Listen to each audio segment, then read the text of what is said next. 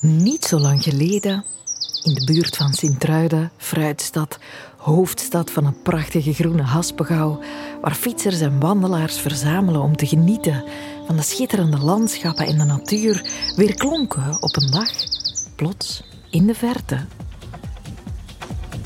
De zware, pompende beats van een illegale raveparty, een free party, waar als vanuit het niks duizenden mensen op afkwamen. Vanuit alle hoeken van Europa kwamen ze aangereden en aangewandeld, zetten ze hun tenten op, parkeerden ze hun campervans en begonnen ze aan een wilde fuif die drie volle dagen zou duren.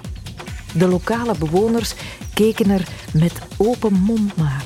Niemand had gezien dat in de uren voordien podia waren aangesleept en stroomgeneratoren en soundsystems, dat eet- en drankraampjes waren opgesteld. Niemand had bericht gekregen of een verwittiging, zelfs de politie niet, zelfs de gemeente niet. Hoe, hoe was dit mogelijk? En hoe moesten ze hiermee omgaan? Iedereen was zo verbijsterd dat men gewoon bleef kijken naar de dolgelukkige en ook wel, moeten we zeggen, flink begaaide feesters met open mond. Tot plots, na drie dagen, mensen hun zelfverklaarde festivalterrein één voor één weer begonnen te verlaten. Ze stopten hun vuilnis in zakjes, ze kraamden de tentjes op, stapten in de camperwagen en gingen weer weg. Terug naar het niets waar ze uit opgedoken waren. Het was nationaal nieuws. Iedereen had het plots over de ravecultuur en de free parties en iedereen had het misbegrepen. Dat liet iemand ons weten. Dus ja, konden we niet laten passeren. Welkom wereld, wereld, wereld, wereld van Sophie. Dat berichtje kwam van Marloes. Zij was samen met haar lief Wim op dat feest geweest. Ze hadden daar al heel lang naar uitgekeken. Ze hadden er geweldig van genoten, maar ze hadden zich bij thuiskomst ook geweldig geërgerd aan de verslaggeving over hun feest. Alsof al die ravers een bende drugsverslaafde halve garen waren die erop uit waren om de boel op stelte te zetten, om de politie uit te dagen en om de lokale goedgemeente wat te komen koeioneren. Maar zo is het helemaal niet. Helemaal niet. Ik ging al van mijn 16, denk ik, met mijn eerste illegale rave gedaan. Dus dat is al 15 jaar geleden, 16 jaar geleden. Vroeger was het meer in, in Nederland te doen en in België eigenlijk ook al lang. Het is uitzonderlijk dat er zoiets uh, zodanig in de media komt, uh, gelijk nu. Maar voor mijn mening was het wel een van de beste ooit uh, meegemaakt in België. Ja, dat absoluut. Het is rave. Jij zegt er meteen bij illegale rave. Ja, omdat ze meestal meestal zijn ze op een of andere manier wel illegaal, ja. Dus, uh, dat is buiten, ergens op een plaats of in een leegstaande loods. Of, uh, ja. Het is een deel ervan. Het maakt het ook wel iets interessanter. Dat is niet het hoofddoel, maar je kunt het niet... Uh, je krijgt niet dezelfde sfeer gecreëerd in, in een volledig georganiseerde omgeving die, met alle regels die opgelegd worden. Dat is, dat is niet vergelijkbaar. We wisten al langer dat het wel ging plaatsvinden dit weekend. Uh, op een bepaald moment weet je, het gaat vrijdagavond beginnen en dan begint eigenlijk wel al de spanning. Want uh, je zorgt dat je klaar staat. Wij gaan dan met de camper die buiten staat. Dus die is op dat moment al gepakt en gezakt. Eten voor drie dagen en, en alles wat je zou kunnen nodig hebben. En dan uh, tussen 9 en 10 krijg je dan het verlossende berichtje, zeg maar. En ja, je begint te rijden, je weet ondertussen al welke richting ongeveer waar het gaat zijn. En je begint zo wat meer busjes te zien en, uiteindelijk ja, beland je eigenlijk een soort van file. En ziet je ja, een busje hier en, en, en een auto soms met een buitenlandse nummerplaat. Dus dan weet je, we zitten goed, we zitten in de juiste richting. Die spanning blijft, van ja, bent je er echt al? Uh, is het nog wat verder? Uh, waarom staan we stil? Is er al politie? Hoeveel zijn we? Dus dat is ja, opwinding en, en nervositeit tegelijk. En uh, uiteindelijk waren we op het terrein en uh, ja, toen kwam de politie langs gereden en die blokkeerde de weg. En toen dachten we, ja, nu zitten we vast. Maar er was nog een weggetje naar rechts, dus dan zijn we daar omheen gereden met een hele bende. En dan, dan begint heel het, uh, heel het spektakel. Maar dat is best allemaal spannend. Want dan komt er ook meer politie en die proberen dan de boel stil te leggen. Op dat moment hebben we het door, we zijn duidelijk in de meerderheid. En het lijkt dan dat het, dat het niet meer... Dat het moeilijk nog kan worden stilgelegd. En uh, ja, dan maak je een kampje.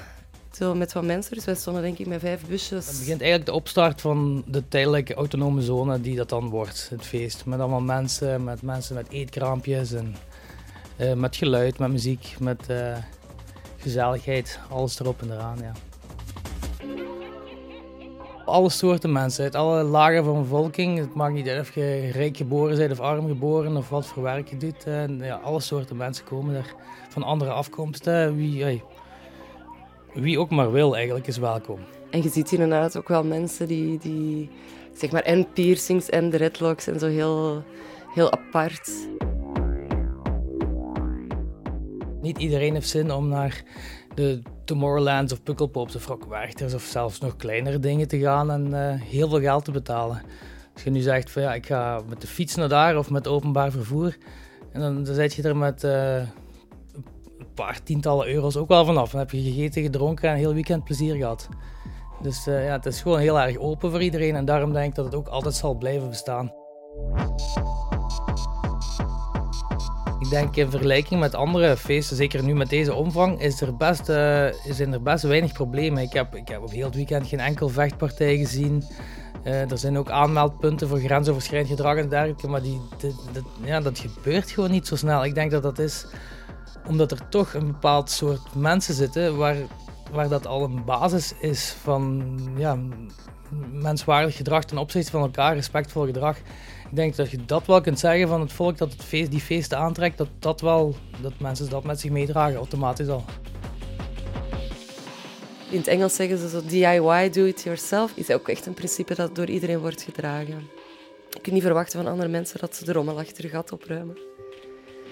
En, en, en dat wordt wel gedragen vanuit, uh, vanuit, vanuit het collectieve, hè, zeg maar. En daarom dat inderdaad ook de sound dan even wordt afgezet. Even checken, is iedereen oké? Okay? Eventjes opruimen. En dan kan het weer verder. En op het einde is het terrein er ook heel proper bij. Dat is uh, wel, uh, wel wat vuilzakken natuurlijk, maar mooi samengestapeld. Uh, ja, dat moet je de mensen ook nageven. Dat is toch... ja, dat is een beetje waar de mensen voor staan inderdaad. Wauw, het lijkt een, een mooiere wereld. ze zien hoe het bekijkt natuurlijk. Ik, ik vind het een hele mooie wereld en veel mensen daar vinden het een hele mooie wereld. En daarom wordt dat ook, dat is eigenlijk die, die, die tijdelijke wereld gecreëerd waar allemaal iedereen zijn eigen kan zijn. Voor mij die vrijdag zelf, dat begint met zoveel spanning. Uh, ik denk dat ik misschien een uurtje op de dansvloer heb gestaan en dan kan ik al even zo gaan slapen. We hebben ook altijd onze hond mee, dus dan sta ik morgens op voor hem een rondje te doen en dat heb ik ook wel nodig. Zo af en toe uit het... Ja, maar ja, dat is genieten. Ja, je ziet heel veel vrienden of mensen die je nog niet kent, maar die dan ook wel gelijkgestemden zijn. Je komt inderdaad in interessante gesprekken terecht. Leuke vibe op de dansvloer. Dat is ook wel voor mij ook echt, echt genieten. Ja, je hoort heel veel verschillende talen. En dan denk je, ja, van waar komt die? Hoe komen die hier? En ik spreek ook heel vaak mensen aan. En ook uh, de, de buurtbewoners die je dan vooral op zondag ineens in grote getalen ziet, ziet opduiken. Ja, dan ging ik ook wel even checken. Hoe, hoe vonden zij het? Hadden ze effectief overlast? Wat is hun indruk van het feest? Uh, ja. Dus het is ook een ontmoetingsplaats voor een deel, een platform, een creatieve uitlaatplek ik, noem het zo, ik zou het legendarisch noemen. Ik vond het een heel mooie samenwerking van heel veel verschillende mensen en verschillende geluiden. En, uh, en ik heb veel vrienden gezien. Uh, ja, in die zin, en het, was, het was mooi weer. Het was, ik, heb, ja, ik heb er geweldig van genoten. Ja, Zo'n weekend was het voor mij. Ja. Ik heb het gevoel dat ik iets gemist heb. Zo. Eh. Zullen we je volgende keer laten weten waar het te doen is? het is wel een beetje in-crowd, je moet het wel weten. Hè? Het is zo via via. Ah, ja, het is moeilijk uit te leggen als je er zelf niet bij waart, wat je gemist hebt. maar zo de sfeer dat je meekrijgt, dat is wel echt zo, ja, accelerating, uh, pompende beats, zo uh, zwetend op de dansvloer. Natuurlijk, dat illegaal is wel belangrijk. Hè? Jullie bepalen zelf de regels. het is niet, niet waarom het gedaan wordt. Dat helemaal niet. Maar het, het gaat wel moeilijk anders. Uiteraard hebben er wel wat mensen daar in de buurt overlast gehad. Dat ga ik absoluut niet ontkennen. Maar als je dan op het terrein met mensen sprak van sint die daar kwamen kijken, dan hadden ze iets van, ah, we zijn toch aangenaam verrast. Dus ja, dit is ook... Uh, dat in de legaliteit en de laagdrempeligheid gaat ook wel behoorlijk wat zakken. Dus in die zin word je daar een beetje in die richting geduwd wel. Maar het is zeker niet het ding waarvoor het gedaan wordt.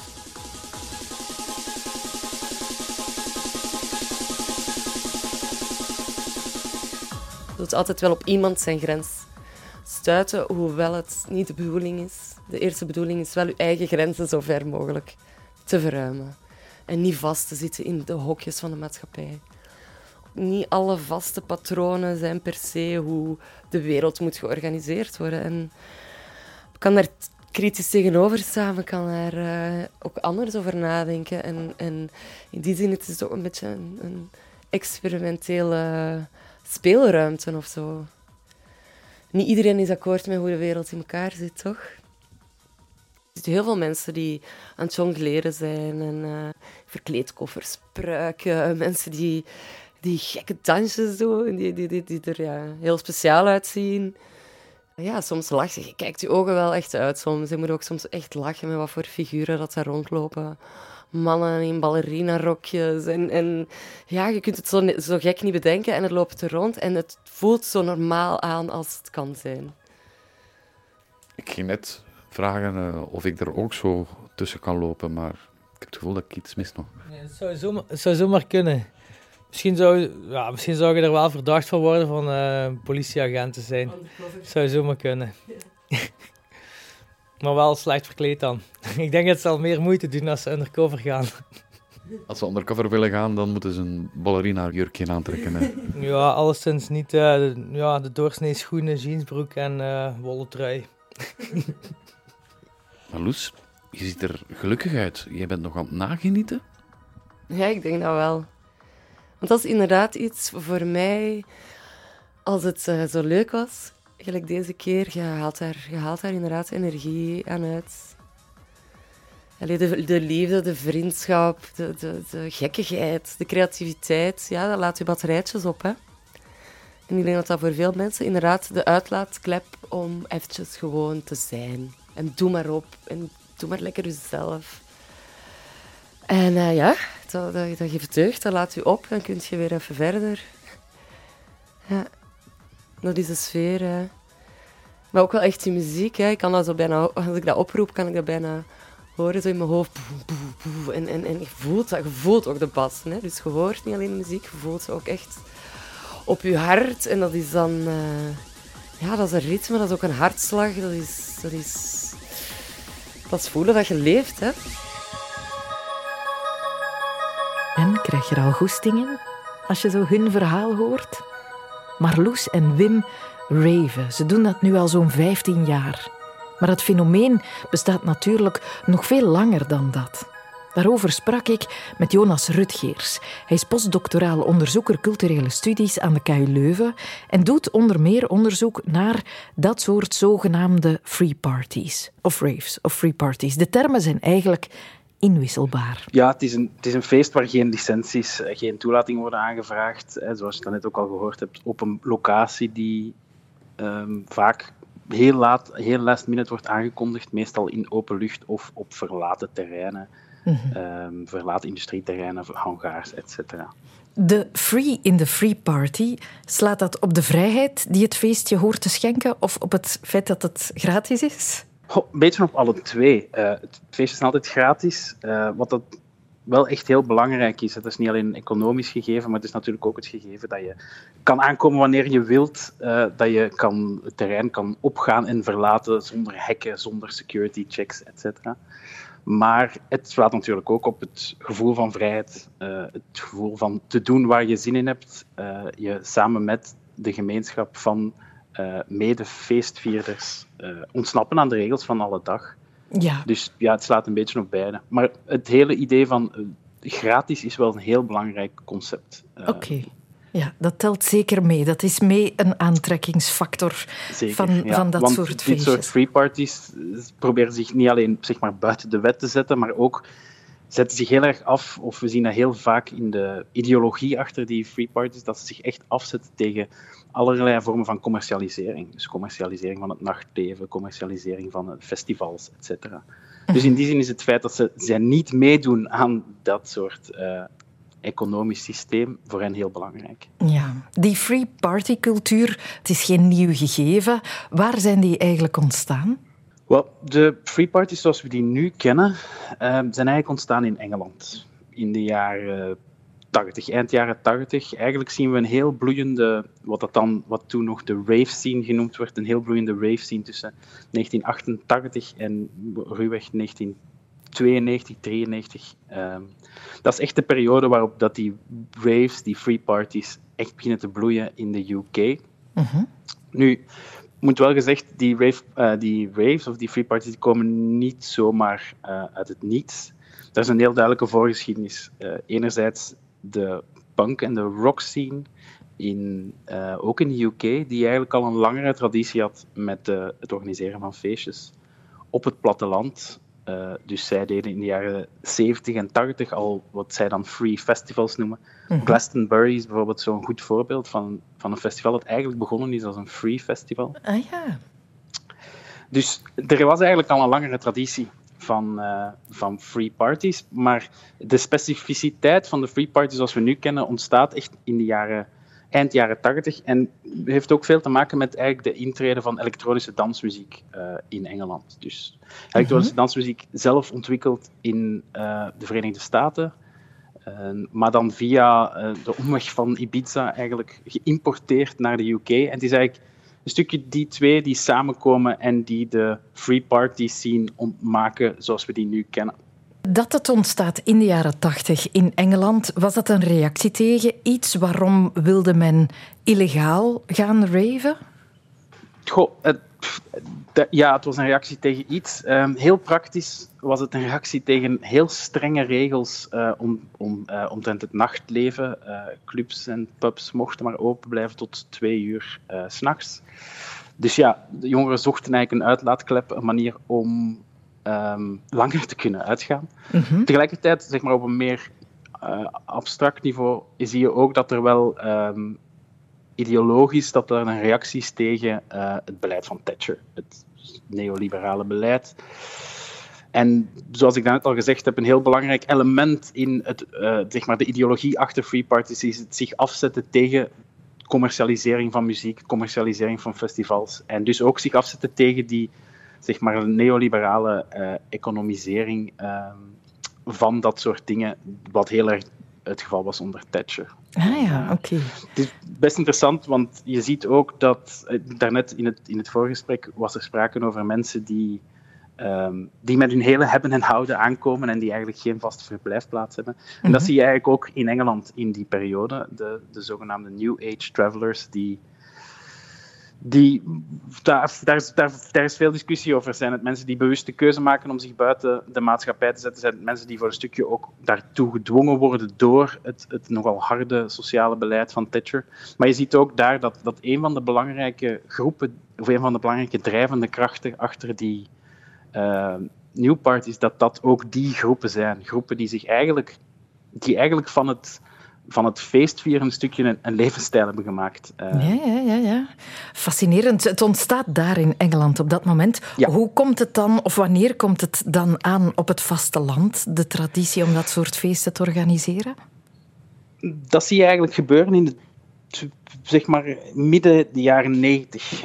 Uh, en dat heeft heel, heel duidelijk te maken met uh, strengere regels in de UK. En de directe aanleiding daarvan, daarvoor uh, in 1992 is er in Castle Morton Commons, een natuurdomein, een mega rave. Uh, ook dus georganiseerd, heel last minute, niemand weet ervan.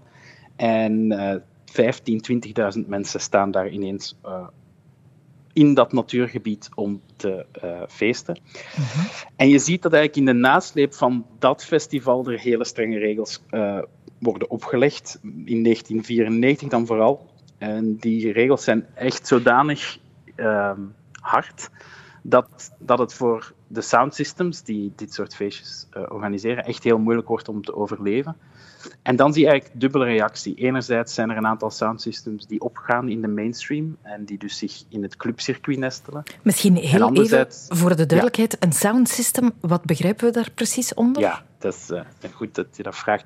Um, een soundsystem is eigenlijk twee dingen. Een soundsystem is enerzijds het, letterlijk hè, de geluidsinfrastructuur, het systeem dat ze gebruiken. Heel vaak een redelijk groot systeem. Want ja, je moet je kunnen voorstellen, als je zo'n festival of zo'n uh, free party organiseert, dan moet je alles meebrengen. Je kan, je, kan niks, uh, je kan op niks afgaan dat daar al is. Mhm. Dus dat gaat eigenlijk over van boksen tot uh, DJ-boots, et cetera. Maar en, en het zijn eigenlijk sound systems, en dat zijn de collectieven, dus een groep van mensen, die zo'n sound system, het materiaal, ontwikkelen. Dus je ziet eigenlijk dat sound system in, op twee manieren wordt gebruikt. Enerzijds als het materiaal, maar anderzijds ook als het collectief, de groep van mensen die zich, die zich eigenlijk verzamelt rond die sound system en die bezig, zich bezighoudt met het ontwikkelen van zo'n apparatuur, het, afstellen van de apparatuur, het verbeteren van de apparatuur, etc. Mm Maar die tegelijkertijd ook um, zich bezighoudt met dat soort feestjes. Dus die free parties worden altijd georganiseerd door sound systems. Uh, vaak, zoals dit feest, zal waarschijnlijk georganiseerd zijn door verschillende sound systems die dan de handen in elkaar slaan. Ja. Um, en dat is ook wat je ziet in Engeland uh, in de jaren uh, 80, 90, dat eigenlijk die sound systems de drijvende kracht zijn achter de organisatie van die free parties. Ja, en zij worden, of die feesten worden aan banden gelegd, dus zeggen ze, ja. kom, we gaan naar Europa. Klopt. Um, een deel zegt dus kom, we gaan naar de mainstream. Een ander deel zegt we gaan naar Europa. En eigenlijk begint dat dan in Frankrijk, uh, waarin free parties een hele, eigenlijk in, in de jaren 90 echt een hele grote scene worden. Het is ook interessant om te zien dat free party een van de weinige woorden is dat de Fransen vanuit het Engels hebben overgenomen zonder het uh, te veranderen. Um, dus het wordt daar echt heel groot. En het is dan min of meer, ja, het is altijd heel moeilijk om daar exacte data op te plakken, omdat ja, tegen dat wij eh, het weten, is het waarschijnlijk al een tijdje bezig.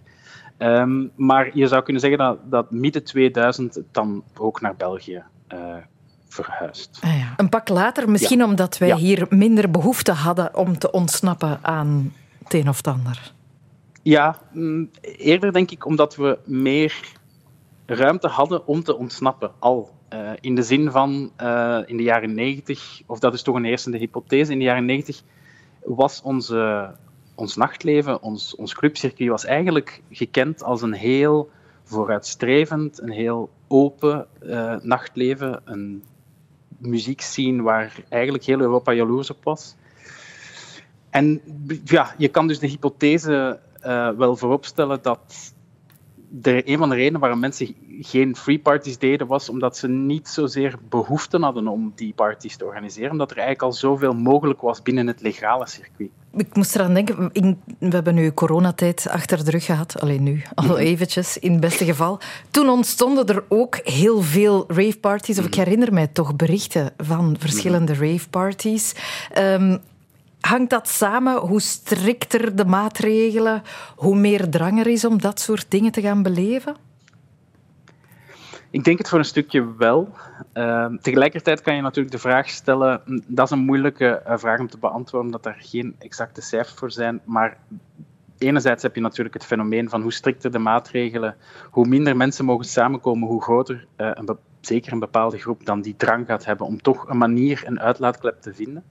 Tegelijkertijd werd er ook natuurlijk veel strenger opgetreden tegenover dit soort feestjes. Want uh, ja, je mag niet vergeten, nu uh, zien we dit soort grote festivals, wat de nationale media haalt, maar, maar, maar je kan er wel van uitgaan dat er minstens elke week een free party wordt georganiseerd in België, ergens. Ja, ja, uh, blijkbaar. Hè? En, en ik, die verdwijnen gewoon meestal onder de radar, omdat ze niet ontdekt worden, of gewoon omdat het eigenlijk in wordt opgelost op het moment zelf. Um, Terwijl in, corona, in, de tijden, in coronatijden was dan natuurlijk geen sprake van uh, het indermine oplossen van zo'n zaak. Er werd er veel zwaarder aan getild. Dus het is moeilijk om in te schatten of dat er noodzakelijk heel veel meer free parties werden georganiseerd, of dat die eigenlijk gewoon veel meer zichtbaarheid kregen.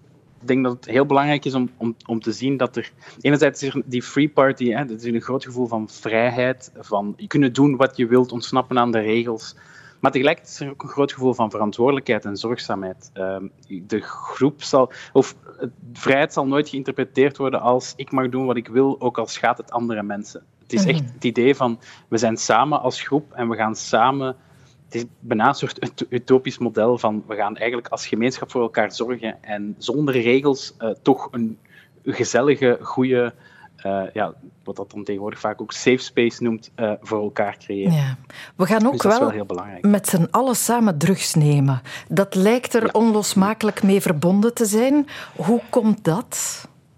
Goh, dat is de, de vraag van 1 miljoen. Um, drugs is heel nauw verbonden met het nachtleven. Uh, zowel met het legale als het illegale circuit. -huh. Veel onderzoek heeft uitgewezen dat, dat, ja, dat daar een heel nauwe link is de, de, laat ik zeggen, de waarde of de, de, de visie die het nachtleven uitdraagt, sluit natuurlijk aan bij.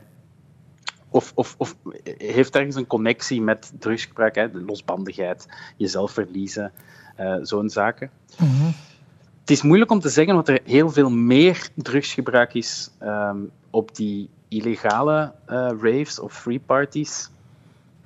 Uh, ja. ja. ik kan, er is weinig onderzoek over, dus ik kan daar geen niet heel veel uh, zinnigs over zeggen. Wat dat wel zeker is, is dat er een, een, een meer open houding is tegenover mm. drugsgebruik. Uh, ja, omdat er geen politie aanwezig is. Voilà. Omdat er geen organisator zich laat zien die zegt niet doen. Uh, Klopt. Het kan en het wordt gedoogd. Ja, het wordt gedoogd. Um, in die zin dat, wat dat bijvoorbeeld ook uit dat onderzoek is gebleken, um, het wordt gedoogd voor zolang het dus niet het sociale aspect in de weg staat. Mhm. Dus um, het drugsgebruik wordt gedoogd zolang dat mensen eigenlijk uh, geen asociaal gedrag vertonen. Uh, onder, uh, onder invloed. Dus het gaat hem bij dit soort free parties inderdaad niet zozeer over gebruik je drugs of niet. Het gaat er meer over wat is het, van het, het effect van die drugs. En mm -hmm. zorg ervoor dat je jezelf in de hand hebt, eigenlijk. Ja, dat drugs er wel een beetje bij horen, dat kwam ook terug in het verhaal van Peter de Kuiperen. Die hebben we ook gesproken over de ravecultuur. Hij was ooit de oprichter van Isle of Techno, die megafeesten, en van de megadiscotheek Fuse in Brussel. Op van die illegale raves kan je veel soorten muziek horen, maar het wordt wel het sterkst geassocieerd met de harde beats, met techno en trance en acid house. Waarom? wilde we eens aan hem vragen. Waarom wordt er specifiek op die muziek geraved en niet op Niels de Stadsbader bijvoorbeeld of Angèle? De essentie van een rave is elektronische dansmuziek. De raves zijn ontstaan in uh, mid-jaren, laat jaren 80 in Engeland, uh, waar dat een manier was om die muziek samen te beleven. Want dat is natuurlijk wel wat de essentie van dansmuziek. Op je eentje staan dansen is toch niet zo leuk. Dus die dansmuziek is niet later gekoppeld geweest aan raves. Dansmuziek, elektronische dansmuziek, is de essentie van raves.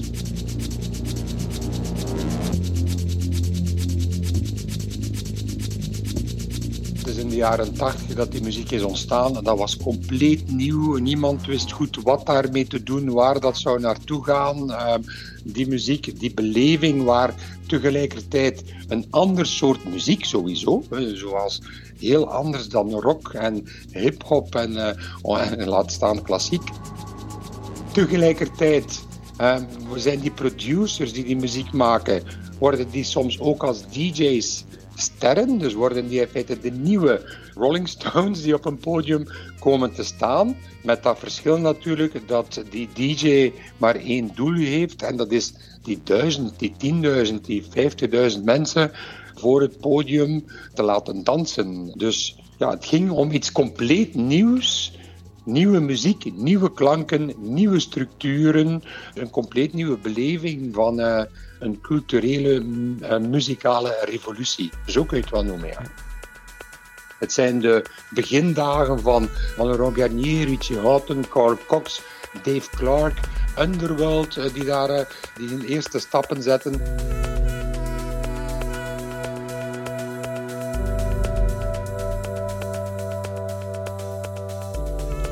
Het was echt een culturele, muzikale revolutie met een ander soort van muziek, met een ander soort van sterren, goden die op het podium kwamen. God is a DJ.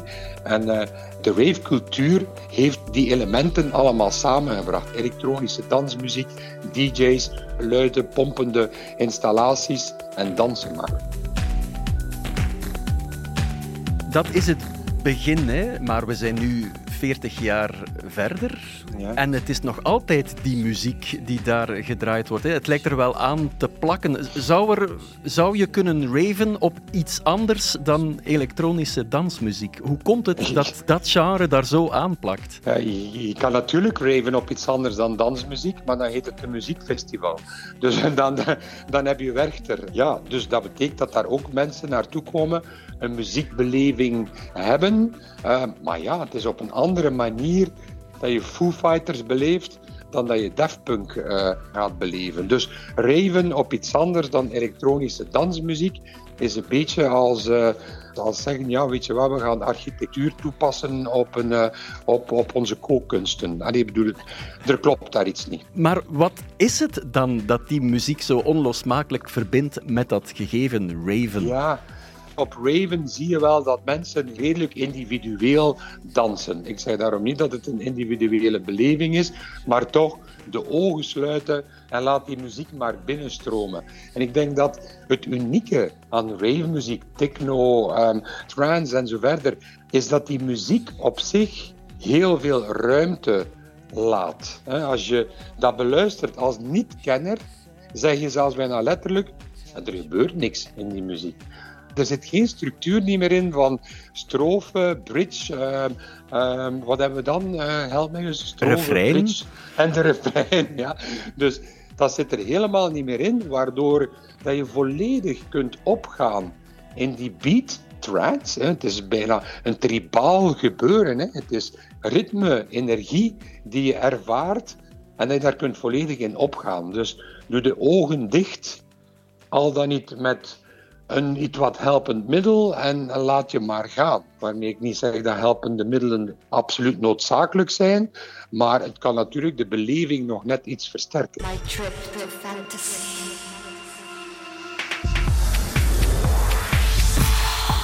Dus de vrijheid die ravers zoeken in het raven, die zit eigenlijk vervat in het soort muziek dat daar gespeeld wordt. Ik denk dat die muziek zoveel ruimte openlaat in het hoofd, waardoor dat je echt kunt heel diep gaan in de beleving en kunt dansen, veel vlugger dansen. Je wordt niet gestoord door een refrein, door een zanger die begint te zingen. En ja, iedereen moet hier meezingen en clap in your hands. Dat zit er allemaal niet in. Hè.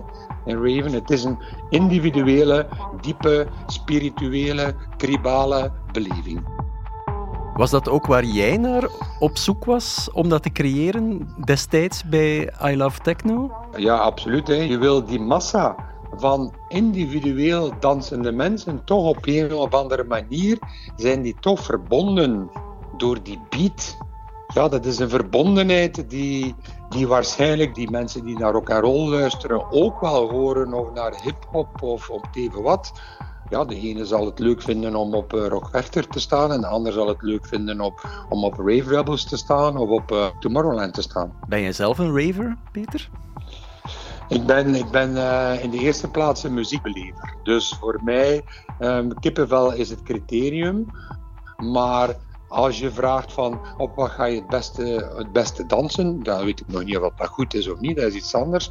Maar dan is dat absoluut op uh, elektronische dansmuziek. Dat vind ik veruit het leukste om in op te gaan. Het is een tribaal gegeven, een spiritueel iets, een collectieve trance. Had u het zo al eens bekeken? Ik dus niet. En ineens dacht ik, ik heb zoveel gemist. Ik wil dit nog eens meemaken. Ik wil ook nog eens hard gaan raven en voelen dat ik leef. Maar dan wel zonder de drugs. En zonder die dode bambis, die er dus wel bij waren in Sint-Truiden, spijtig genoeg. Zonder dat, maar met al de rest, al de rest, al de rest, al de rest.